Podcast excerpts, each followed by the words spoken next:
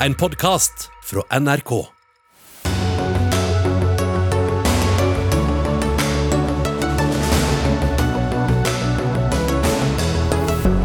Dramatisk utvikling i etterforskningen av drapene på Birgitte Tengs og Tina Jørgensen. En mann er siktet og mistenkt, og nå er han varetektsfengslet i fire uker. I en lukket nettgruppe diskuterer flere av landets rikeste hvordan de skal ta knekken på Arbeiderpartiet og miljøbevegelsen. Dette er tatt helt ut av kontekst, mener en av gruppas grunnleggere. Er Extinction Rebellion autoritære og ekstreme? Det er fortsatt oljeutvinning som er ekstremt, ikke sivil ulydighet, mener gruppa selv. Og Arbeiderpartiet vil ikke delta i en direktesendt debatt hos en omstridt kristen TV-kanal. Dumt for demokratiet, mener partiet De kristne, som gladelig stiller opp. Vel møtt til denne fredagens Dagsnytt 18, i studio Sigrid Solund. Om eh, morgenen den eh, lørdag den 6. mai 1995 fant en bonde den 17 år gamle Birgitte Tengs voldtatt og eh, drept i et buskas like ved gamle Sundsveg, noen få hundre meter fra der hun bodde ved Skår på Karmøy. I dag, 26 år etter, har politiet pågrepet og siktet en mann i 50-årene for drapet på Tengs. Siktelsen bygger på DNA-funn analysert i Østerrike. Mannen er også mistenkt for drapet på Tina Jørgensen i 2000.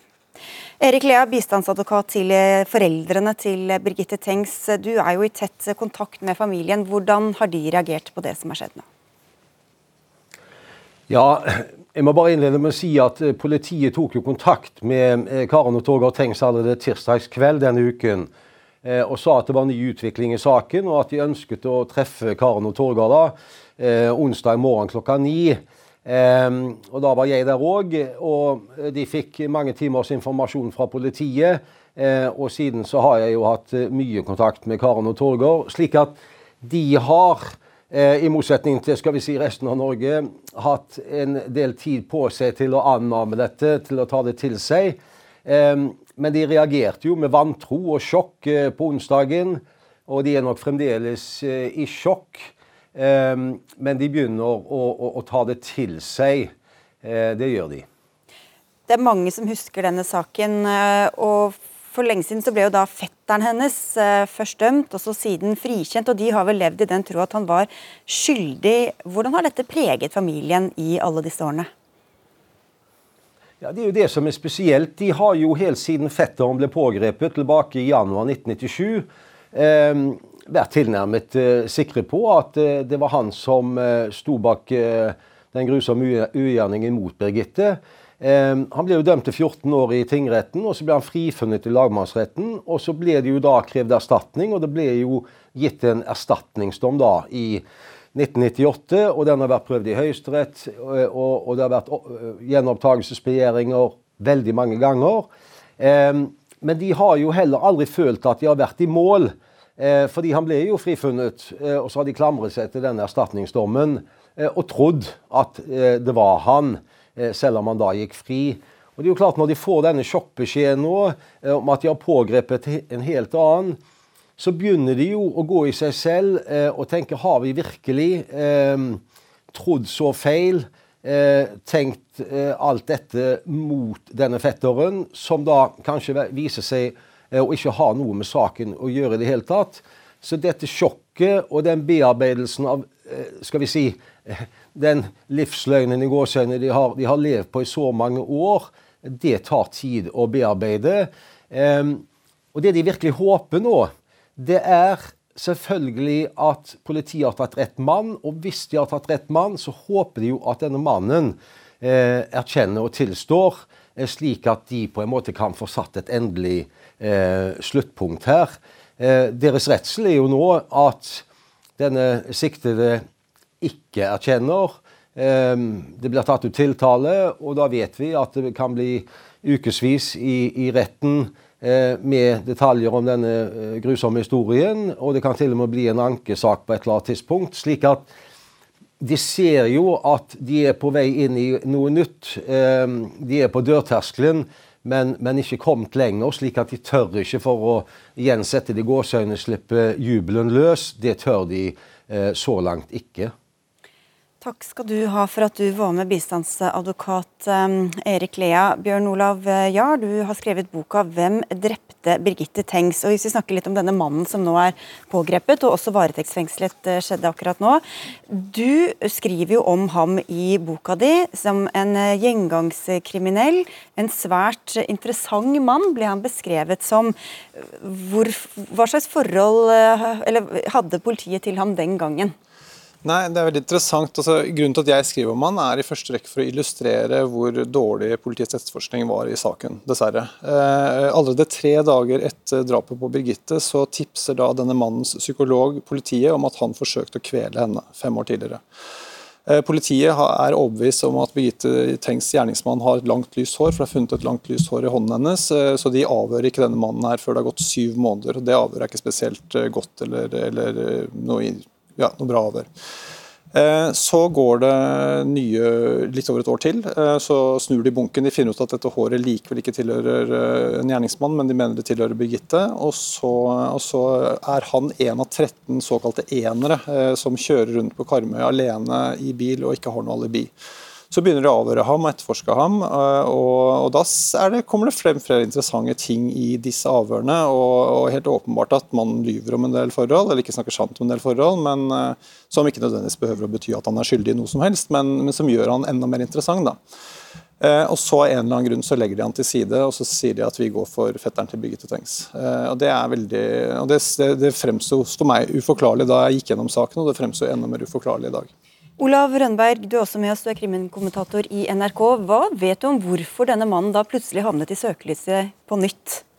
Ja, det er jo et uh, godt spørsmål. Han har jo, som Jahr sier, vært inne i saken på et veldig tidlig tidspunkt. Han avga en DNA-profil uh, tilbake i 2013. Så har man da tydeligvis fått en match da i, i 2019 og jobbet med han i det skjulte siden. Eh, men det er jo et spørsmål man må stille til politiet her, i alle fall i ettertid. Hvorfor eh, ble han ikke koblet til saken i større grad tidligere? Hvorfor ble han ikke avhørt mer inngående? Det er jo spørsmål som må stilles her. Og så må vi jo da huske at han nekter all skyld. Han nektet skyld i dette fengslingsmøtet også, men ble altså ikke hørt av retten, da, som mener at det er skjellig grunn til mistanke og mistankegrunnlag godt nok til å fengsle han i, i fire uker. Ja, vet du noe om dette DNA-beviset? Vi vet ikke hva det er, hva det er som er analysert, men vi vet at eh, disse analysene ble gjort ved et veldig anerkjent institutt i Østerrike. Det var for så vidt kjent at det har vært gjort analyser der, eh, og at politiet har fått et svar. Men så har det jo vært helt stille de siste årene eh, om denne saken. Politiet har lykkes i å holde lokk over etterforskningen, og har jobbet da i det skjulte. og Enda mer overraskende er det kanskje det som kommer frem i dag, om at de også mistenker han for drapet på Tina Jørgensen, som mye tydeligere på at de tidlig fikk en match eh, mot Birgitte Tengs-drapet, eh, men at de da også har forsøkt å jobbe han mer inn i, Tina-saken eh, i, den senere tid. Hva er det som kobler ham til den saken?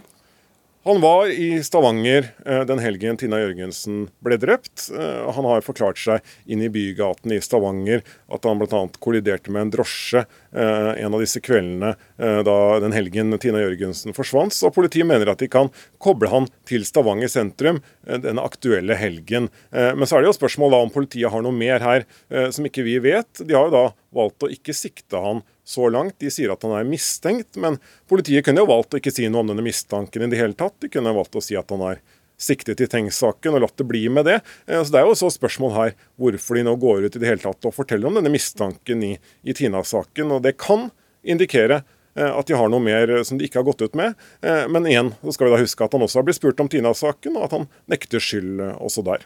Bjørn Olav, ja, Det har jo dukket opp en del eh, detaljer og opplysninger om denne mannen. Eh, hva slags bilde er det som tegnes av ham?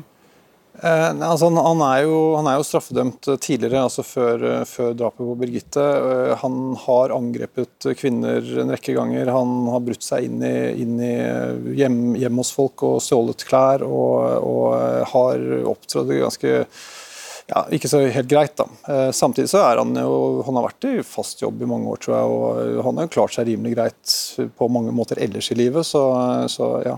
Mm. Eh, Anne Skjever, kommentator i VG, du har skrevet eh, en kommentar om dette nå i ettermiddag.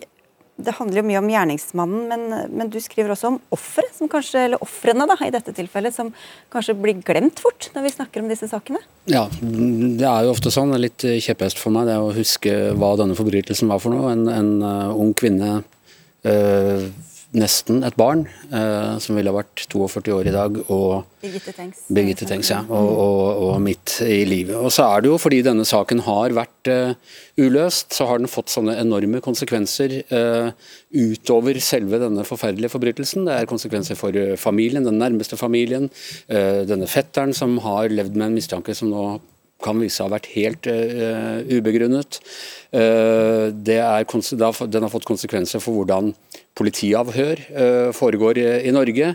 Politimannen som foretok dette famøse avhøret som ble så kritisert senere, har det fått veldig store konsekvenser for, og, og for hans familie. Så det, er, det har vært en serie en ringvirkning av serie av konsekvenser for veldig mange flere mennesker enn man vanligvis finner ved, ved et sånt drap. Og nå, akkurat med denne fetteren, der var det en del sånne juridiske spissfindigheter. Jar, kan ikke du bare dra oss litt gjennom hva som skjedde der? Ja, altså han ble jo, han ble, Først så ble han jo dømt i, i herredsretten, og så ble han eh, frifunnet av juryen i Gulating, nei, Borgarting lagmannsrett, nei, Gulating lagmannsrett, og så, eh, og så ble han dømt sivilrettslig. Eh, og denne dommen, sivilrettslige dommen har jo da senere også blitt innklaget til Strasbourg i menneskerettighetsdomstolen, hvor, ble, hvor Norge da ble dømt for å ha krenket hans rettigheter. For det andre beviskrav krav i en sivilsak enn ja, en straffesak. Ja, det er det. ikke sant? Og, og, men dette, dette, har jo ført til at han har hatt et uh, At han aldri har blitt ordentlig renvasket. Um, og, og, det er vel også Norge ble kritisert for det, og i dag så er vel det på, i ferd med å gå ut at man skal kunne dømmes sivilrettslig i en sak man er strafferettslig frifunnet i. Men det er altså store ringvirkninger, som Anders Giæver sier. Einar To, du er ansvarlig redaktør i Haugesunds Avis. Hvordan har denne saken preget lokalsamfunnet på Karmøy? Nei, Den har prega Karmøy og Haugalandet i mange år. Eh, selv om det er 26 år siden, så er det ingen her som, har, som ikke har et forhold til denne saken. Eh, både fordi at den er så grusom i seg sjøl og er uoppklart. Og så har du det aspektet som man har vært inne på her, med at eh, denne fetteren som først ble dømt og så frikjent, og så likevel måtte fortsette kampen for å bli ordentlig reinvaska. Eh, det har gjort at saken har blitt holdt eh, i live hele veien. Eh, samtidig som du har hatt ryktespredning om andre mulige kandidater og ja, nye teorier og diverse som har prega det her flere ganger. Dere har vel vært i kontakt med denne fetteren. Hva, hva vet dere om hans reaksjon i dag? Eh, han er selvfølgelig eh, glad at det kan se ut som det går mot en oppklaring. Eh, men han tar ikke noe for gitt, forteller han til vår journalist. Han, han avventer og, og, og, ønsker at saken nå skal gå sin gang, og at det blir en avklaring. Anders Evi, du skriver og snakker om denne dyrekjøpte lærdommen. Hva, det, hva mener du vi kan lære av denne saken? Uh, uh, altså De helt konkrete læretingene har jo vært, uh, har jo vært dette med politiavhør og, og, den helt radikale forandringen. altså Man hadde ikke egentlig Dette skjedde tidlig i det man kaller akademiseringen av politiet.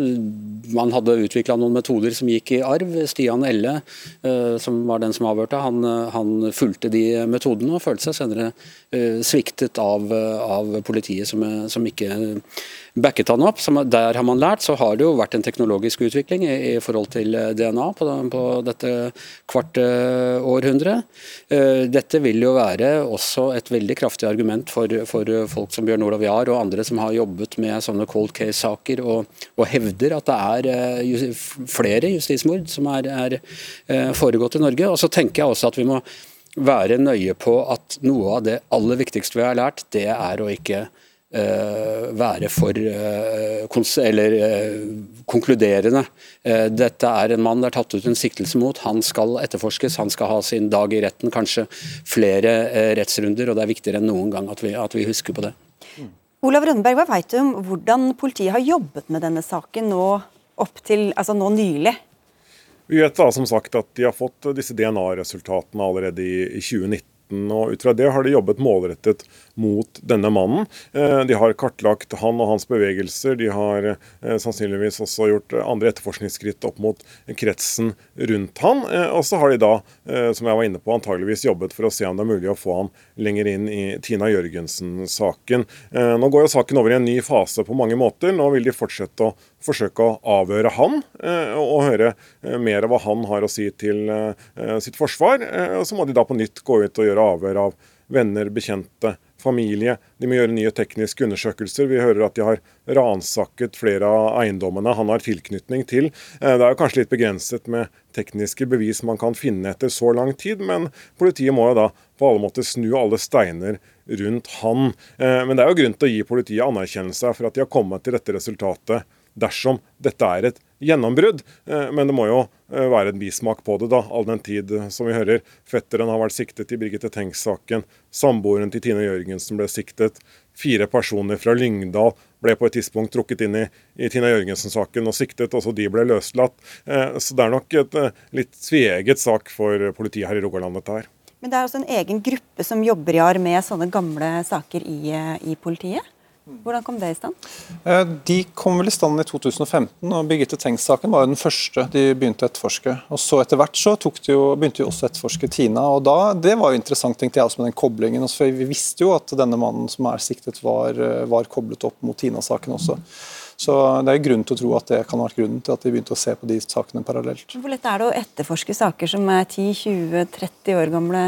Nei, Det har jo noen utfordringer, selvfølgelig. Altså, det å dreve avhøre folk lenge etterkant og sånt nå er jo veldig vanskelig. Eh, Vitner og sånn, hukommelse er jo, er jo skjørt, og, og, det er store muligheter for feilkilder. Eh, når det gjelder analyser, så har jo f.eks. DNA-teknologien blitt forbedret. Det kan jo igjen by på utfordringer at du kanskje kan analysere for mye igjen. Også, så det, det er klart det er mange utfordringer utfordringer. Så, så, jeg tenker at det at man har klart å få Jeg, jeg hadde hørt i, ut, i, utgangspunktet at det skulle komme en løsning i løpet av september. Eh, og Jeg regnet med at det kom til å være et eller annet som skulle fri, renvaske Birgitte Tengs fetter i mye større grad. At det attpåtil skulle komme en siktelse, kom litt overraskende på meg. og jeg tenker at uh, at eh, det er, en, eh, det er, jo en, seier for politiet og for den cold case-gruppen. for det, det, var ikke, Man kunne ikke forvente at de skulle løse en sak. Det, altså et moment som også spiller inn, er jo at disse drapene har jo eh, Og om man løser dem, er jo ennå ikke gitt, selvfølgelig. Men men drapene skjer jo også utendørs, som jo gjør det jo enda vanskeligere. Og med Tina så blir, har hun jo ligget i denne kummen i én måned, så det, er jo, det, er jo, det vanskeligste. Men det er andre drap også, som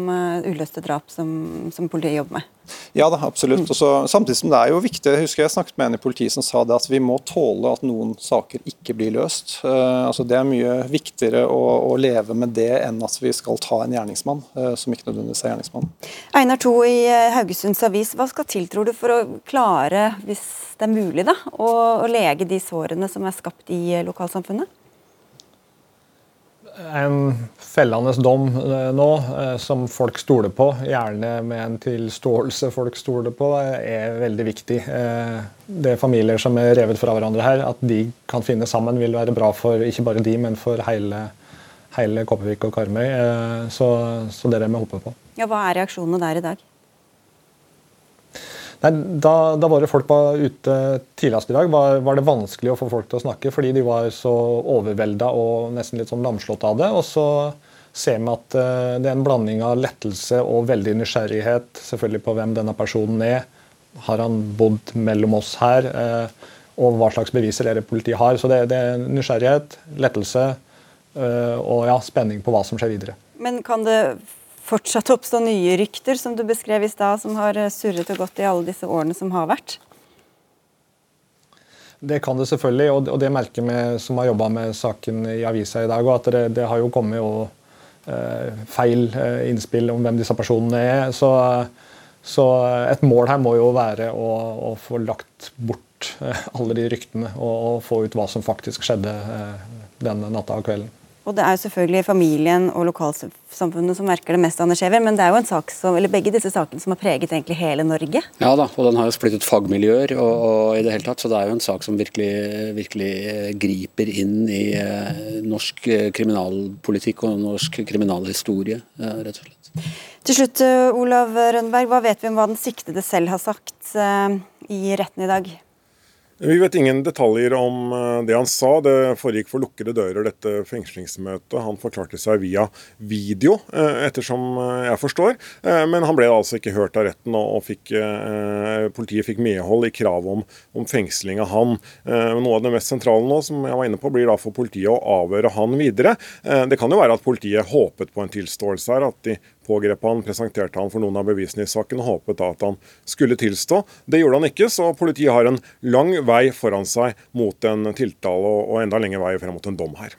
Fire uker varetektsfengsling i første rekke, så får vi se hva politiet kommer fram til. Takk skal dere ha alle sammen for at jeg var med Anders Giæver fra VG, forfatter Bjørn Olav Jahr, bistandsadvokat Erik Lea, Einar To i Haugesunds Avis og vår egen Olav Rønneberg.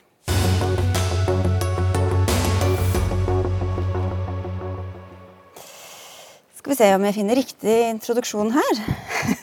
Kom litt annen rekkefølge enn det jeg hadde trodd. I kommunikasjonsappen WhatsApp så finnes det en lukket gruppe med flere enn 100 medlemmer, hvorav et betydelig antall tilhører den norske finanseliten. Det avslørte Dagens Næringsliv i dag. Det er, det er ikke de menneskene vi har i studio som skal ja. Hvis vi har med oss Amund Juve, kan jeg jo spørre vaktsjefen her. Ja, da må vi bytte gjester, da, hvis vi skal eh, beklage dette surrete opplegget her. Men uh, vi skulle egentlig Nå har jeg Det er feil gjester! Oh ja, vi skulle egentlig være, diskutere miljøkrig. Vi, det var jo interessant. Ja, men hvorfor ikke? Det, jo, var jo Klima er jo en av temaene i denne gruppen. har jeg forstått. Okay, vi tar det tilbake til eh, Men jeg må vite om vi har med Amund Juve eller ikke. Ja, ok. Eh, denne gruppen, som altså heter Politikk, ble grunnlagt av investor Øystein Straisbetalen i 2016. Der diskuteres temaer som innvandring, klima, og formuesskatt, men også hvordan de ifølge avisa skal ta knekken på Arbeiderpartiet og miljøbevegelsen. Vi prøver altså å få med oss eh, Amund Juve, som er administrerende direktør i Dagens Næringsliv. Um, og jeg tror vi får hara med her nå. Hvis du har uh, fått opp linja, hva er det dere har funnet ut og beskrevet i denne saken i dag, Amund Juve? Jeg vil først og fremst som sjefredaktør, ikke administrerende direktør. Eh, men, men har, det vi har beskrevet, er hvilke diskusjoner du beskrev det selv, som, som, er i denne gruppen, hvor, eh, hvor da eh, noen av Norges rikeste personer er med, og de diskuterer, de diskuterer politiske temaer, gjerne innvandring, klima, formuesskatt, medier, norsk partipolitikk. Og, og, en del av innleggene er, er ganske krasse og, og tøffe i, i i, i, tonen, og kanskje litt også behagelige formuleringer. Vi syns det er interessant å beskrive da eh, en sånn eh, gruppe bestående av så, eh, mennesker som kontrollerer så store verdier, og hvordan de faktisk da eh, diskuterer politikk, hvordan de, hvordan de, hva slags holdninger som kommer til, til syne Og syns det er spesielt interessant eh, hvordan de nå, eh, noen av dem iallfall, eh, jobber da for å få Senterpartiet så sterke som mulig, for at det, det skal, skal, svekke, skal, svekke, innflytelsen til Arbeiderpartiet i en, i en, i en ny, ny, eventuelt ny regjering bestående av venstresiden. Dette er en del av som ordinær, ordinær journalistikk, og prøver å komme på innsiden av denne type interessante nettverk eh, og, og, beskrive hva som skjer der. Det er sånn som Dagens Næringsliv gjør, gjør stadig vekk. Det kan være her, sånn som denne gangen, hvor det, er, hvor det er rike mennesker på høyresiden, og det kan være andre ganger hvor det er sosialdemokratiske politikere som vi beskriver. Dere har jo skrevet om eh, flere av medlemmene i denne gruppa i tidligere saker, bl.a. i forbindelse med forrige stortingsvalgkamp. Hvordan mener du eller dere da at de forsøker å påvirke samfunnet? Eh, det vi skriver, er at de diskuterer. Eh, og så er det først og fremst Eh, de, de, det vi beskriver er f.eks. hvordan en av medlemmene investorer anarkistene kjøper en masse bøker av, av, av Jan Bøhler og deler ut til politikere. Vi beskriver hvordan et av medlemmene etterspør er det noen som har noe skitt på, på Espen Barth Eide, fordi han er antageligvis det svakeste kortet nå. Eh, Støre virker mer herdighet, og så kan de liksom, se om, han, om, det er noen, noen som kan, kan, hjelpe han da med å, med å, få noe skitt der som kanskje kan bli brukt i en eller annen eh, kampanje mot, mot Barth Eide for å ramme, ramme eh, Arbeiderpartiet på den måten. Men, men mitt inntrykk er at dette først og fremst er et diskusjonsforum. Bli med oss videre, Amund Juve. Investor Øystein Straisbetalen, du var altså grunnlegger av denne gruppa i 2016. Hva var det du ønsket å bruke den til å oppnå med den? Nei, utgangspunktet var Vi hadde tidligere utveksling på mail. Så kommer WhatsApp, som var enklere kommunikasjon. Og Det var bare rundt en middag vi begynte å utveksle informasjon. Og Det som har vært, det har jo vært siden 2016, hvor det var fem-seks stykker av mine venner som ble deltakere. Og Så er det flere og flere som ønsker å være deltakere, og det er ingen noen gang som har vært nektet å være medlem av denne gruppen. Så folk har ringt meg og sett en SMS og spurt om de kan delta i denne gruppen. Så det har ikke vært noe skjult gruppe, det har vært en åpen gruppe som alle har visst om hele tiden. Og de temaene som har vært diskutert, det er jo ikke akkurat de temaene han sier. for det, har, det ligger over 10 000 innlegg her. Og det er jo folk fra alle mulige verdenshjørner. Fra Israel, Amerika, England, USA. Eh, det er minoritetsgrupper som er deltakere. Det er folk fra Iran, det er folk fra India er deltakere. Og De legger ut da stoff fra sine aviser og sine nærmiljøer som beskriver ulike politiske endringer i samfunnet hvor de er deltakere, og de blir diskutert da i dette fora. Men det er også det Amund Juve beskriver, Nei, i tillegg til andre ting? Han, uh, igjen så er det konspiratoriske teorier fra, fra uh, Dagens Næringsliv, hvor de sier at det er et rettet hat mot Arbeiderpartiet. Jeg gikk gjennom i dag i 10 000 apper. For Støre er jo nevnt, altså det er mikroskopisk antall hvor han i hele tatt er nevnt med navns nevnelse i disse, i disse, i forhold til de, de anlegg, eh, disse tingene som er lagt ut. Og Det er lagt ut over 10 000, anlegg, 10 000 innlegg. Bare i dag er det over 200 kommentarer fram og tilbake på den appen, men fram og tilbake. Mm. Og Dette er alt fra Gunhild Stordalen til Ola Mæle, som begge er leger, som diskuterer da hvordan verdens ernæringssituasjon skal være framover, med ulike vitenskapelige rapporter. Og Det er mye vitenskapsmenn, det er høyt utdannede mennesker som er med, og det er også vanlige mennesker som er med. Og det man prøver å kritisere at dette milliardærer er med, det var en gruppe av mine venner som startet det. Og så har andre blitt med. Her er jo vanlige arbeidsløse med, vanlige folk med, folk fra minoritetsgrupper med. Det er jo ikke en skjult gruppe som er ute etter å fjerne Det er litt høyere andel milliardærer enn det er sånn jevnt ellers i Det var på utgangspunktet var det rundt min gruppe av venner som startet dette her, med en utveksling av ideer. Men, men, til det ene eksempelet som Juve beskriver, et av gruppa med, gruppas medlemmer spurte om noen visste noe om Espen Barth Eide, altså stortingspolitiker ja. for, for Arbeiderpartiet. Hva var formålet med det? Ja, Det må du spørre vedkommende om, men jeg kan ikke sitte og være moderator og slette disse anleggene, for jeg, eh, innleggene, for jeg kan ikke slette disse innleggene. Og vedkommende jeg så gjennom den appen, han hadde spurt om det var noen som hadde informasjon om Espen Barth Eide, for angivelig han var den svakeste personen i Arbeiderpartiet. Så vidt jeg vet, så fikk han ikke noen kommentarer på det hele tatt. Rett over til et annet emne, så det er ikke noen kommentar rundt emnet i hele tatt. Men, men det er den samme journalisten, eller han var da journalist som i Finansavisen som skrev om Støre ved forrige stortingsvalg, og at Støre påstod at Støre hadde brukt svart arbeidskraft, og at nå trengte man noe nytt. Ja. Hva, hva, hva, sier det, da? Er det, er det greit? Eller? Ja, men Han spurte om det var noen som hadde informasjon. Det var ingen som hadde informasjon. Jeg kan ikke styre hva folk legger inn og ut på den. Men eh, det ble ikke bedt om å slette, og det ligger der. Og det er ikke noen kommentarer rundt den saken i hele tatt. Vedkommende journalist hadde for fire år siden en, eh, en sak rundt denne bryggesaken til Støre. Om det var ryddig privatøkonomi eller ikke, det vet jeg ikke. Det kan ikke jeg dømme. Men det var en, en, en oppslag som Finansavisen kjørte over flere dager rundt, eh, rundt, den saken. Men det du ser, det er jo et mønster i dette. dette. Denne gruppen har vært i fire år, over fire år, og nå kommer den én uke før valget. Og jeg ser jo Haji er ute og kommenterer artikkelen etter én time. Støre, ja, Støre er ute kommenterer etter 1 12 time, og Raymond Hansen kommenterer i dag. Og Erna Solberg. Og Erna Solberg kommenterer den. Hun kan jo ikke ha lest det som har stått der engang. Men det er jo 10 000 ting. Også hvis noen har lyst til å lese de 10 000 tingene, så er det vær, vær så god. I dag er det kommet to nye medlemmer, en nyhetsredaktør fra TV 2 og en journalist fra Dagbladet som også ønsker å delta. og se hvilke innlegg som det er helt, det er helt ufa, Dette er jo helt ufarlig. Okay. Enhver person kan jo se dette. Det er helt ufarlig. Det, men, det, men, det, er jo en lukket gruppe, men som du sier at hvem som helst som vil, kan bli medlemmer? Ja, men All WhatsApp-gruppe er lukket. Ja. For jeg må ha telefonnummeret ditt, så kan du også bli medlem her. For det er, helt, det er, helt, ufarlig, det som ligger der.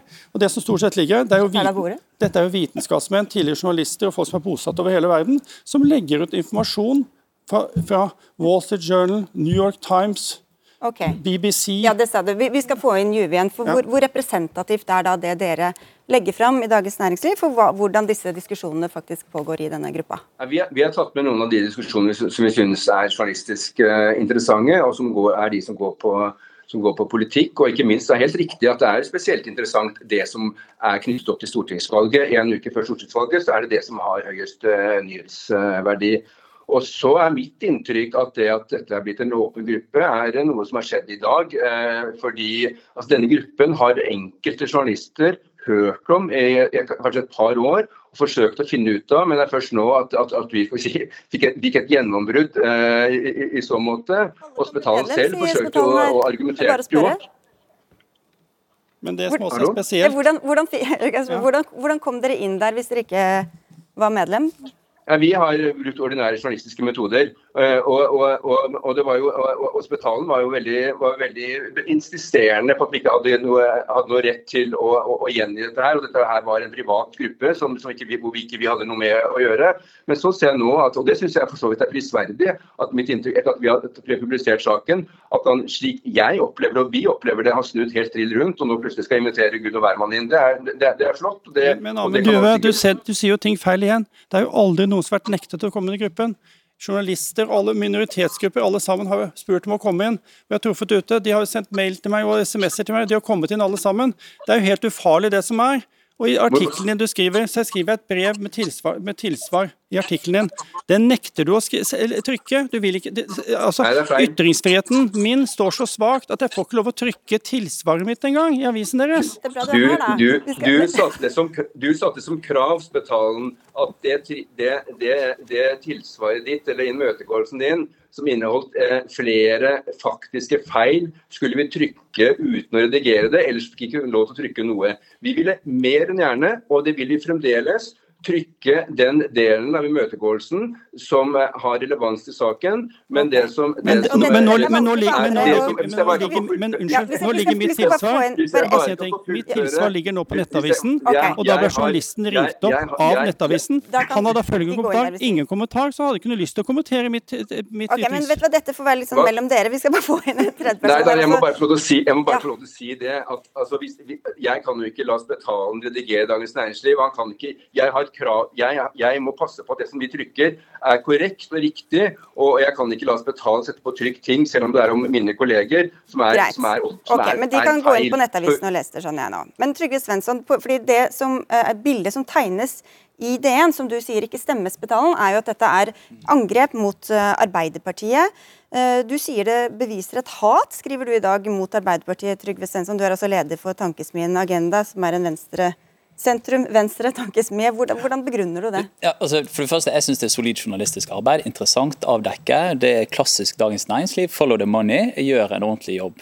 Og så, Når jeg liksom har sett dette på nett i dag, så er det jo litt sånn Heisan Montebello-opplegg òg, på en måte. Jeg ser mye sånn kommentarer om det. Hvordan, hvordan kan så mange mennesker med så mye makt tenke at de bare kan på en måte spy ut da, alt, alle slags ting i en sånn WhatsApp-gruppe og tenke ja, dette blir aldri dette- avslørt. Hvordan, hvordan mener du at dette beviser et hat mot Arbeiderpartiet? Du, Den eh, formuleringen 'hat mot Arbeiderpartiet' det er en mellomtittel i Dagens Næringsliv sin lange, grundige sak. Der står det 'hatet mot Arbeiderpartiet'. Og Jeg syns det er verdt å gripe fatt i, og det er det som er det minst morsomme med denne saken. Eh, rett og slett fordi at vi vet at det er noe som fins, og vi vet at noen av de som har deltatt i denne gruppen, eh, har vært aktører for det. Eh, og så må vi spørre oss sjøl hvor kommer det fra, og hvorfor er det sånn. Og da tenker jeg, vel, I Norge så har du noen interessepartier. Noen grunnleggende verdibaserte partier, og så har du interessepartier. Arbeiderpartiet er det partiet historisk sett som har vært interessepartiet for arbeiderbevegelsen, for fordeling. eh, og, og, og Kom på til den poenget. måten- Poenget er selvfølgelig at dette er mennesker eh, Jeg hører jo at Spetalen prøver å snakke det ned som en slags sånn åpent forum, men dette er jo noen av landets aller mektigste mennesker. De er opptatt av makt. Arbeiderpartiet er det partiet som har flyttet mest makt på vegne av vanlige folk og vanlige lønnstakere i dette landet. Og det er selvfølgelig derfor hatet og angrepene rettes i så stor grad mot Arbeiderpartiet. Det er jo helt feil at dette er et hat mot Arbeiderpartiet. Hvis Du hadde lest, du kan låne telefonen min etterpå og lese om alle de der 10 000 innleggene som er der. Det er svært lite som er rettet mot Arbeiderpartiet. Det, er like, det var som en av de deltakerne du akkurat kritiserte, denne journalisten i Finansavisen som skrev senest for en uke siden at heller ville ha en Arbeiderparti-Sp-regjering enn det som er i dag. Men det var ikke pga. Arbeiderpartiet, ettersom jeg har forstått? Nei, men det var han som hadde bryggesaken, hadde skrevet det på den WhatsAppen. Så jeg tror det hatet mot Arbeiderpartiet det er noe som er tatt ut av en kontekst, hvor de ønsker å lage en situasjon ut av det. At det er hat mot Arbeiderpartiet. Men det er ikke det. Dette er vitenskapelige rapporter som legges ut. Om klima, ernæring, jordbruk, hvor det diskuteres. Dette er om klimadebatten i Norge som legges ut. Dette er om innvandring som legges ut. Og det er ikke noe hatretorikk her. Det er bare Men er det, er det noe mål der? Altså, Hva er det dere vil oppnå? Bare, er bare diskutere, eller har dere noe felles eh, mål om å informasjonsutveksling. Altså vi hadde for eksempel, IPC la fram, IPCC la fram klimarapporten. Så hadde vi diverse forskere solforskere og andre, som var inne og tolket den. Hvilke kapitler er viktige, og hvilke kapitler er ikke viktige. Altså det, det, som vi vet som er kommet fram i avsløringen i dag, det er at i denne gruppen på litt over 100 mennesker, så er 13 av de, de er blant Norges 400 aller rikeste. Altså i et land der ulikheten øker. Og vi vet at det er de samme menneskene som har gitt mange mange millioner kroner til partiene Høyre, Venstre, Frp. Det er jo derfor det er litt spesielt at det kommer nå en uke før valget. fordi at jeg tror, Og jeg tror det kan ha en effekt. Men, for folk men hvorfor er det så farlig da, at, at rike mennesker snakker med hverandre? Det gjør vel alle mennesker i alle lag? Det, er, eh, det sier noe om hvordan makt fordeles i det norske samfunnet. Ja, det, har... Man snakker da med dem man kjenner, om man blir kjent med dem man er i krets med eller ja, møter på jobben? Jeg òg snakker eller... med de jeg kjenner, men det er ikke sånn at eh, hvem som helst har muligheten til å støtte f.eks. valgkampen til Høyre og Venstre med mange mange millioner kroner. Og når disse menneskene er de samme Høyre de ikke har gjort ja, de, de har støttet dem med mange millioner over mange år. Og når de samme menneskene planlegger hvordan du kan lage såkalte drittpakker og negativ kampanje mot folkevalgte politikere i et demokrati, da syns jeg det begynner å bli temmelig alvorlig. Da begynner det å minne om ting som vi ikke liker, som vi har sett f.eks. i USA de siste årene. og Det er derfor dette er en sak som er verdt å ta på alvor. og Det er derfor vi gir honnør til Dagens Næringsliv okay, for avsløringen. Okay, og jeg må bare presisere igjen, det skjønner du, det er ingen der som har gitt eh, støtte til Høyre i år, ja. men tidligere år. Ja. ja. Det er det sikkert. Men han sier at, det vært, at dette er et, noe som prøver å ha drittpakke på politikere. Det er jo ikke det. Det er en som har lagt ut en kommentar er det noen som har informasjon på Barth Eide. og Den har ikke fått noe respons i hele tatt. Det er bare rett på neste evne. Så vidt jeg så, så er det eneste som er til en politiker. Om Jonas Gahr Støre har vært helt minimal. Det vært, men det har vært veldig mye kritikk av dagens regjering på forskjellige ting. Men det, hvem er det man ønsker inn i regjeringen, egentlig? Jeg tror ikke man har noen oppfatning av hvem man ønsker i regjering. Man er bare opptatt, opptatt stort sett hva gjøres galt, hva gjøres rett. Og er, man sier også at det har vært en diskusjon rundt formuesskatten. Så vidt jeg vet, det har ikke vært en diskusjon på formuesskatten på dette temaet i hele tatt. Men nå sier vi at hvem som helst, inkludert Trygve Svensson, kan melde seg inn. Vær så god, den er helt ufarlig hele gruppa. Er det bare å bla seg bakover i årevis? det blir veldig spennende. Og det blir veldig spennende å finne ut mer om denne gruppen. Takk skal dere ha, alle tre. Øystein Strauss Pedalen, Amund Juve og Trygve Svensson.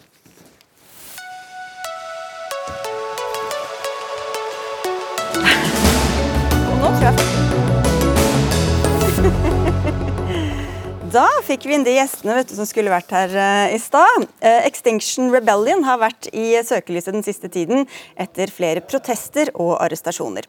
Gruppa jobber for å få politisk handling og oppmerksomhet om klimaendringene, men får kritikk for virkemidlene bl.a. sivil ulydighet. Fredrik Glad Gjernestø, aktivist i Extinction Rebellion, og dere sperret trafikken. Dere gikk inn i Olje- og energidepartementet, dere hindrer folk i å utføre jobben sin. Hvordan gagner dette klimaarbeidet? Vi er i en så alvorlig situasjon nå at vi, vi må vekke eh, politikerne og, få ting til å gå raskere. Så Vi gjør minimale lovbrudd for å hindre enorme lovbrudd. Vi står foran en situasjon hvor vi kan få en katastrofe som dreper uh, hundretusenvis, kanskje millioner. Og det grønne skiftet går altfor sakte. Uh, dagens regjering gjør altfor lite. Og Da må vi bruke sivil ulydighet, for det fungerer. Hvordan fungerer det? Hvordan fungerer det bedre at dere gjør det, enn det alle de andre miljøorganisasjonene driver med? De andre miljøorganisasjonene har også brukt sivil ulydighet opp igjennom. Eh, vi har Altavassdraget, vi har Mardøla Det er ikke del av plattformen sånn som dere har, eh, har det? Nei, NU-aktivister bruker også sivil ulydighet. Men klart vi har det som kjernen i vår, vår, virksomhet. Og vi utfyller de andre miljøorganisasjonene. Og vi tror det er helt nødvendig nå for å sette fart i det grønne skiftet og, og gjøre sivil ulydighet. Det har fungert historisk, både i eh, kampen for kvinners stemmerett fungerte det som en kule, det har fungert i Sør-Afrika, det har fungert i borgerrettskampen i i USA, og det har også fungert i Norge. Så det er en del av demokratiet å gjøre sivil ulydighet. Men dere får jo kritikk der for disse virkemidlene, bl.a. gjentatte ganger fra Høyre. Håkon Snortheim, du er nestleder i Unge Høyre. Hva er det som er så farlig ved disse minimale lovbruddene for å sette noe så viktig på agendaen? Altså, jeg mener at demokratiet vårt kommer til å klare å løse de klimautfordringene vi står overfor. Og Grunnen til at jeg mener at veldig mye av det Extension Rebellion holder på med er ødeleggende, er rett og slett at det er irriterende og i veien for folk. Eh, når dere okkuperte eh, resepsjonen i Olje- og energidepartementet, så hindret dere mennesker som jobber med havvind, vannkraft, altså ting som skal løse klimautfordringene våre, å komme seg på jobb. I London har man stoppet kollektivtrafikken, altså mennesker som bruker kollektivtransport for å komme seg på jobb, istedenfor å velge bilen. Eh, og veldig mange av den type ting er irriterende for folk. Jeg mener at Noe av det viktigste vi skal gjøre for å løse de klimautfordringene vi står overfor, er å sørge for at alle skal kunne være med på det grønne skiftet og at det ikke skal være noen negativ motivasjon i det. Men hvor godt syns du demokratiet har taklet klimakrisen så langt? Ja, Nå mener jeg at vi er på vei på å få det til. Regjeringen og Høyre har lagt frem en klar plan på hvordan vi skal nå de utslippsmålene vi har innen 2030, og det er kjempebra. Men Vi har jo ikke engang nådd klimaforliket, som var et altfor dårlig forlik. Dere, dere, ligger jo langt bak. Det, det, er ikke sånn at dere er på, på, på track. Vi er på track mot 3-4 grader. Det er katastrofe. Det viser jo at dagens klimaendringer er dødelige, selv i Europa. Så vi, vi må jo sette fart, og da er det helt legitimt å sperre en resepsjon. Jeg var på Vestlandet for, forrige uke og sperra Stureterminalen i to dager med seilbåt. God dialog med politiet, god dialog med, med, Equinor. Dette skjønner disse aktørene at er en del av det som må til. Så, Men hva oppnår dere med det? Nei, vi, setter, altså vi, vi, teller tre kriterier. Vi får medieoppmerksomhet, setter dagsorden. Vi, vi, forstyrrer, sånn at kostnadene øker i oljesektoren. Når ikke CO2-avgiftene fases inn raskt nok, så får vi forstyrre for å få noen kostnader inn i Og så er det arrestasjoner. Og det uh, legges merke til når folk er villige til å ofre. Det er ikke noe gøy å, å, å, å sitte i arresten. Vi har masse annet vi kunne gjort. Vi blir taua inn det er riktignok god stemning på sentralarresten på Grønland med politimottaket der, men det er jo ikke det vi har lyst til. Det er kjempedyrt, vi får gigantiske bøter, men vi gjør det. Vi er villige til å ofre dette, for at vi må noen sette fart i det grønne skiftet, og noen må vekke politikerne. Men Du sier jo at dere irriterer eller er i veien, men det gjelder jo også dere er jo i veien og irriterer vanlige folk, som kanskje egentlig er enig med dere i, i målet. Hvordan skal dere få folk med dere når dere ja, vi prøver, gjøre, vi prøver å gjøre minst mulig av, av det. Så, så når vi sperra Fredriks gate i september i fjor, så var det busstreik. Så da var det ingen kollektivister som ble stoppa. Og, og det, var ikke, det, var kalkulert. Så, så, det som skjedde i England med, med, med sivil ulydighet mot uh, kollektivtrafikken, det hadde ikke støtte fra XR. Det var noen uavhengige uh, som gjorde, og, og, det ønsker ikke vi. Vi ønsker å ramme uh, beslutningstakerne. Og Det er derfor vi slår til da mot Equinor, og mot Stortinget og mot uh, departementene. Og så er det noe med proporsjonene her. da, Når det er kode rød for menneskeheten fra FN, og så sperrer man liksom veien i en time. er det er det så disproporsjonalt? Nei, og dette er poenget mitt. Jeg mener at demokratiet kommer til å klare å løse de klimautfordringene vi står utenfor. og Du begynte jo å prate litt om det selv. og jeg mener at Det er noe urovekkende når man hindrer ikke bare en lovlig regjering å gjennomføre jobben sin, også de ansatte i Olje- og energidepartementet som jobber med havvind, som jobber med mer vannkraft, som gjør nettopp at vi kan løse klimautfordringene våre. Når man i tillegg forstyrrer debatten i Stortinget, som også er helt fullstendig lovlig valgt, så mener jeg at det viser en holdning til det demokratiet, det folkevalgte demokratiet vi har i Norge, som ikke er slik det burde være. Du sa de var autoritære tidligere i uka. Hvordan begrunner du det? Ja, og Det er jeg litt interessert i å høre Extinction Rebellion prate litt mer om. for De prater veldig mye om et borgerråd. Og uavhengig, altså Litt uh, avhengig av hvem det er jeg har pratet med, enten om det er på Twitter eller på mail, så skal det enten være et råd som bare skal gi råd, eller så skal det plutselig være et organ med politisk makt og innflytelse. Så det vil jeg jo nesten at de skal få lov til å svare på selv, hvordan de ønsker at det skal se ut. Så du vet ikke hvorfor de er, du mener de er autoritære, da? Nei, men poenget er jo at når, en, når, noen av de sier at dette skal være et politisk råd som står og, og skal vedta ting ved Nei, siden av de folkevalgte, så mener jeg det. La meg klargjøre dette. Vi har aldri sagt at vi skal oppheve verken eh, Stortinget eller regjering eller departementer. Dette rådet skal være et rådgivende råd, på linje med f.eks. en rådgivende folkeavstemning eller et rådgivende NOU, Norsk offentlig utvalg. Så, så du, du, må sette deg inn før du kaller oss antidemokratiske. Det fins ikke noe grunnlag for å kalle Extinction Rebellion antidemokratiske. Vi bringer stemmen til klimaofrene inn i debatten. Vi bringer stemmen til fremtidige generasjoner som ikke har mulighet til å påvirke debatten, inn i det politiske ordskiftet. Det er veldig demokratisk. Ja, og Det er dette som egentlig er litt interessant, da, når man skal ha et det, representativt utvalg som skal gi råd, og det skal være en NOU eller hva den nå skal være. Okay, si at de skulle tatt for seg oljeutvinning, da, som jeg vet at dere er kjempemye imot.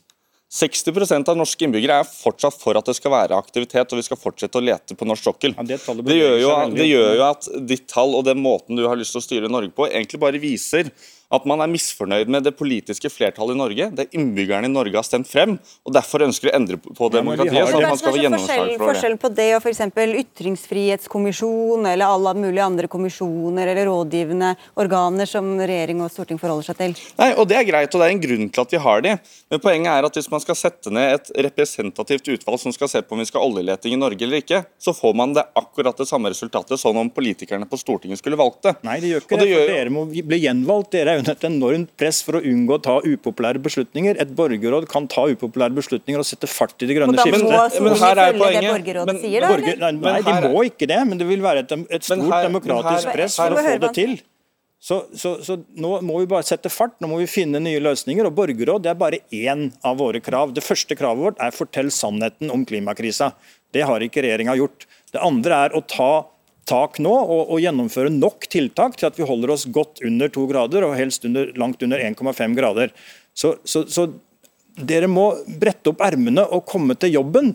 Da vil dere ikke møte sivil ulydighet. Men så lenge dere ikke dere styrer mot katastrofen, og da kan dere ikke forvente at dere skal bli slippe å møte sivil ulydighet. Okay, Men, men her er poenget. For det første, Vi skal nå de klimamålene og, og løse de klimautfordringene vi står overfor. Men du sa det jo nettopp selv. Dette er et råd som skal ta upopulære beslutninger. men glem det rådet. Ta... Dere Nei, det, er ikke på Det er jo det som er poenget okay. mitt. Altså, hvis de skal ta upopulære beslutninger, det har vi storting, altså, det har vi folkevalgte Det er mennesker som skal Ja, gjøre. men- Og det er ryggraden i et liberalt runde har men et ekstremt standpunkt. Dere vil fortsette å, Ja. å, så lenge det er lønnsomt, Og sier der, dere. der er dere er uenige, så vi går ikke inn i hele oljedebatten. Men siden du uh, kalte dem autoritære, mener du at det som beskrives her, er autoritært? Ja, altså At man skal sette ned et sånt råd som skal ta beslutninger på vegne av som parlamentarikerne i Norge. Lytte til eller ikke? Ja, Det er helt greit, men du sa det jo selv at disse skal ta beslutninger. Og det mener jeg jo ikke at de skal De gjøre. skal- de skal det er beslutte en innstilling på samme måte som et NOU. Okay. Så, så, Men at de beslutter en innstilling, så skal de velge å lytte til dem eller ikke. Er det autoritært? Nei, det har man fagfolk til, så da skjønner jeg ikke hva de skal Ok, gjøre. men- heller, dere, dere latterliggjør våre aktivister. Okay. Tina Bru kaller oss antidemokratiske, Frølich kaller oss pøbler, og Heggelund Må vi Unnskyld? avslutte? Beklager. Det er ikke demokratisk. Det er ikke demokratisk at vi må avslutte, nei. Det er kjempedårlig. Takk skal dere ha. sånn. Takk skal dere ha for at dere kom. Ja, Det kryr av debatter nå i valgkampen, ikke bare her i NRK. Også den omstridte TV-kanalen TV Visjon Norge skal ha direktesendt debatt på mandag med flere politiske partier.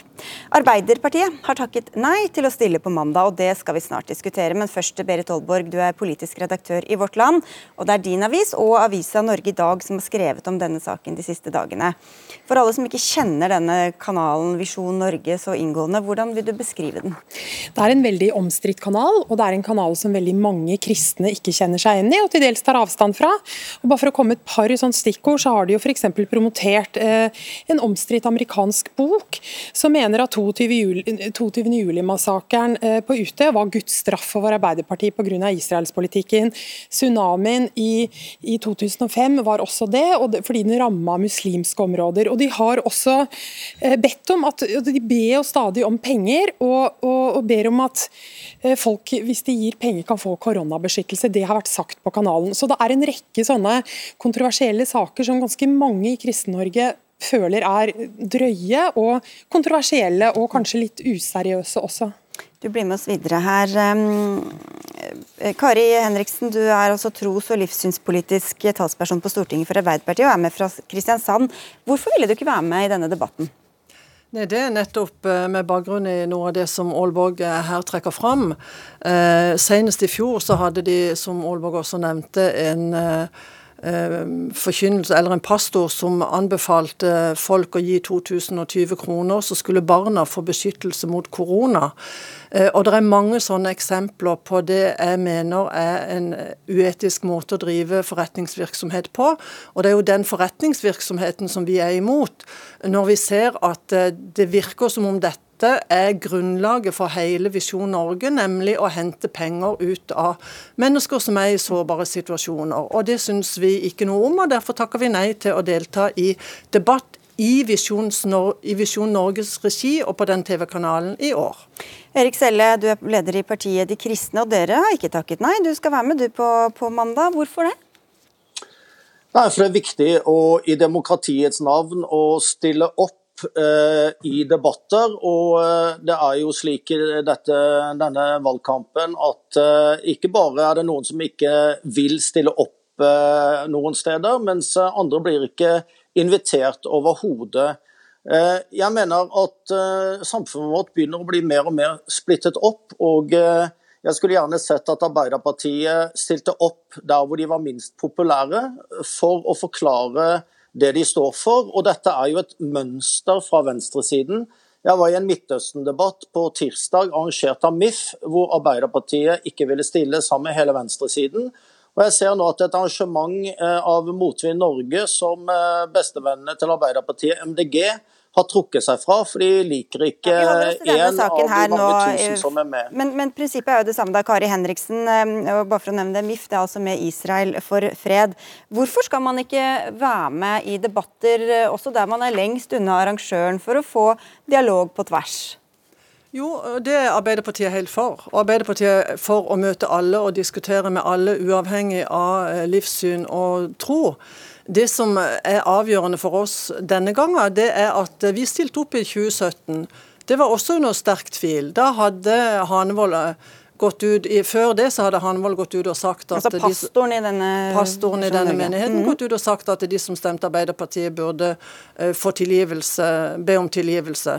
Så det var tydeligvis veldig feil, men da stemt, stilte vi opp fordi vi mener nettopp, uh, som Selle sier, at det er viktig å uh, delta i alle debatter. Og Vi er heller ikke redd for å møte Hanevold i debatt, men vi ønsker ikke å bruke den TV-kanalen. Og jeg, Etter at jeg deltok i den debatten sist, så fikk jeg veldig mange tilbakemeldinger om at folk opplevde at vi legitimerte den virksomheten, og det vil vi ikke. Og jeg kan bare si at I dag kommer jeg rett fra stand, og der sto jeg ved siden av eh, Kristelig Folkeparti bl.a. og medlemmer av forskjellige trossamfunn som var på stand. Og når de hørte dette, så var de veldig glad for at det var noen som stilte opp og så sa ifra, for dette er ikke en eh, bra måte å tjene penger på. Det tror jeg det er veldig okay. mange som er enig med meg i. Selle, hvorfor skal Arbeiderpartiet legitimere noe som de er så uenig i? Nei, men det handler ikke om å legitimere. Jeg har bare lyst til å skyte inn at uh, det er jo ingen som tar så mye penger fra statskassen som vårt land i pressestøtte, eller hele arbeiderbevegelsen. Uh, jeg syns det er veldig arrogant å uh, fortelle at en kanal som Visjon Norge liksom på vegne av de som gir penger, så skal Arbeiderpartiet stakkarsliggjøre dem. Eh, det er ingen som får så mye penger fra gamle og syke eller andre som det Arbeiderpartiet får. Altså, du er helt enig du da i, den, eh, i, det som Visjon Norge driver med, eller er det det du Nei, det er ikke det jeg sier. Jeg sier det at det er veldig hyklersk, og, og, og jeg syns det er umoralsk mm. å bruke det den, den stakkarsliggjøringen av mennesker som gir penger til en privat kanal, okay. når man selv sitter med store sugerør ned i statskassen og der, Poenget er jo at du legitimerer ikke kanalen fordi du deltar i en debatt. Altså Jeg abonnerer på Klassekampen. Ja. Det, er, det, er Norges, eh, det, er, det, er, avisen i Norge med de riktige sakene og alle de gale konklusjonene. Når jeg prøver å skrive inn der, så får ikke jeg inn innlegg. Nei. Men jeg mener at for meg å kommunisere og diskutere med kommunistene i Klassekampen er viktig, for ja. vi er alle nordmenn. Vet du hva, Klassekampen er ikke her, så jeg tror vi lar det være. stille opp ja, hos Visjon Norge og MIF og alle andre. Da skal vi få med bare veldig kort kommentar på det før vi skal videre, her, Henriksen.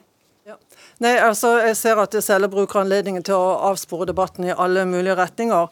Vi, ikke, vi mener ikke at uh, vi utnytter sårbare mennesker. Uh, vi mener at uh, det er kanalen som utnytter sårbare mennesker. Og Vi sier at den virksomheten kunne de selv tatt tak i. De kunne ja. rensa opp i, den, i, det forholdet, og da hadde omdømmet til mm. kanalen vært et helt annet. Vi har med oss kanalen her, så vi kan høre Arne Pedersen, du er programleder og prosjektleder i TV Visjon Norge. Hvorfor arrangerer dere denne debatten egentlig? Det er jo ikke første gang vi arrangerer, vi, som vi hørte her. Også for fire år siden, for to år siden. I forbindelse med kommune- og fylkestingsvalget også. Så um, det er ikke noe nytt. Men uh, jeg må jo bare si det at her kommer det veldig mye som jeg må forholde meg til. Uh, vi kalles altså en omstridt kanal, en TV-kanal som eh, jeg er veldig tett innpå alle Er dere ikke omstridt? Jeg, jeg, jeg, vil bare forklare. Eh, eh, du sier det. Jeg jobber der, og jeg hører at det blir sagt. Men jeg vet også at vi har tusener av partnere og seere som er veldig takknemlige for TV Visjon Norge. Og når det gjelder det som skjedde for halvannet år siden, som Arbeiderpartiets representant nevnte her, Johnny Bass som gikk ut så kan jeg bare si det at jeg gikk ut imot det han sa, innad og utad. Og jeg jobber der fortsatt. Så vi tar tak i ting som ikke er sunt.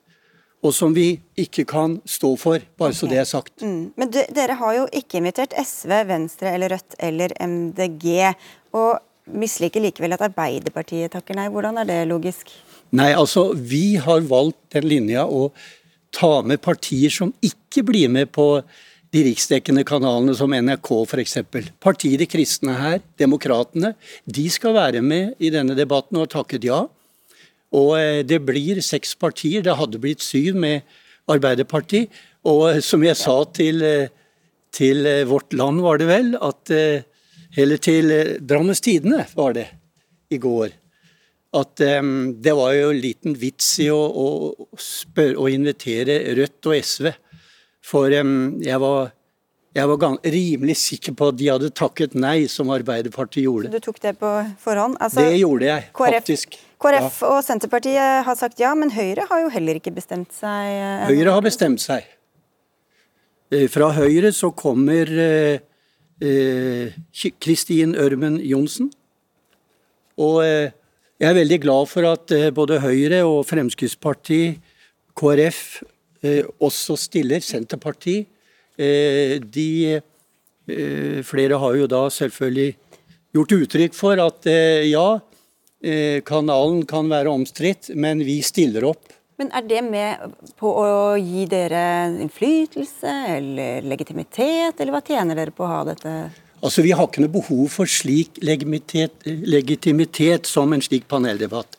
Fordi det har vi gjennom det store arbeidet vi driver i Albania, i Moldova, gjennom eh, den omsorgen vi utfører overfor uh, tusener av mennesker, eldre og syke, ikke minst under denne pandemien. Så jeg vil si tvert imot i forhold til Arbeiderpartiets representant, så um, er vi en trøst og okay. en oppmuntring. Og det siste jeg fikk før jeg kom hit inn i studio, det var fra en på 40 år. En mann som fylte 40 år i dag. Arne Visjon Norge må ikke gå i svart. Dere betyr så mye for oss Skjønner. alle. Ok, Berit Aalborg, hvorfor tror du at, eh, at, eh, de arrangerer denne debatten og andre debatter? Nei, Det skal ikke jeg spekulere i, men det er klart det at det, det, gir jo en form for legitimitet når man stiller opp. Og så er det jo da dette som jeg, jeg vet at flere av de politiske partiene sitter og vurderer. Er det riktig å dra av demokratiske grunner, som Selle var inne på, eller gir vi dem legitimitet? Og Jeg tror at det er liksom den vurderinga de tar. Men jeg vet at flere har vurdert og vurderer det jevnlig. Og så må jeg bare si litt i forhold til dette med det kontroversielle.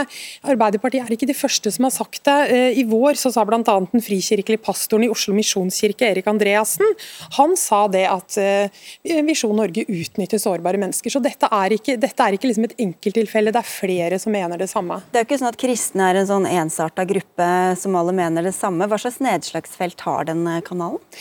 Denne kanalen har et lite nedslagsfelt, så det er jo en del som ser på det. Men det er klart at det er en viss del av, eh, av Kristen-Norge som ser på det, og det er veldig mange som aldri kunne tenke seg å se på det, nettopp pga. de tingene vi har snakka om nå.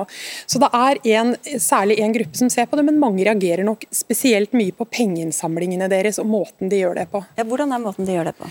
Nei, Som vi var inne på i stad, så sa de jo bl.a. det at eh, folk burde gi penger for å være sikker i forhold til å ikke bli syk eh, av korona. Det er en av de måtene. Altså, det har ikke vi sagt. Nei, det var Johnny Bay som sa Ja, men det var sagt på deres kanal. Det er greit. Det, blir sagt ja. mye på andre kanaler også. Ja, men La meg bare snakke ferdig men det var pengeinnsamling ja. til dere det var snakk om.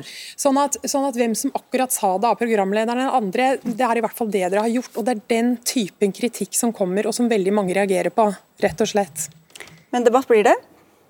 Skjønner? Debatt blir det. På mandag. Og um, Det gleder vi oss til, ser fram til. Og jeg er veldig glad for at de øvrige partiene som har takket ja, eh, forhåpentligvis kommer. De har iallfall ikke sagt det motsatte. Jeg vil gjerne si helt til slutt at eh, jeg tror det er andre grunner for Det er ikke bare disse grunnene som du i vårt land legger fram her, men jeg tror det at mm. Vi er tydelige på livets to utganger, oh. vi er tydelige på Israel osv. Jeg tror, jeg tror det som ligger bak. Så får de resten av resonnementet. Ja. Det blir debatt igjen eh, her også på mandag, men eh, klokka 18 igjen i Dagsnytt 18. Da er vi eh, tilbake. Vi sier takk til alle dere som var med. Arne Pedersen fra TV Visjon Norge, Berit Aalborg, politisk redaktør i Vårt Land, Kari Henriksen fra Arbeiderpartiet og Erik Selle, leder i partiet De kristne. Dagsnytt 18 tar helg. Arnhild Myklebust og jeg, Sigrid Solund, ønsker en god helg og en riktig fin kveld.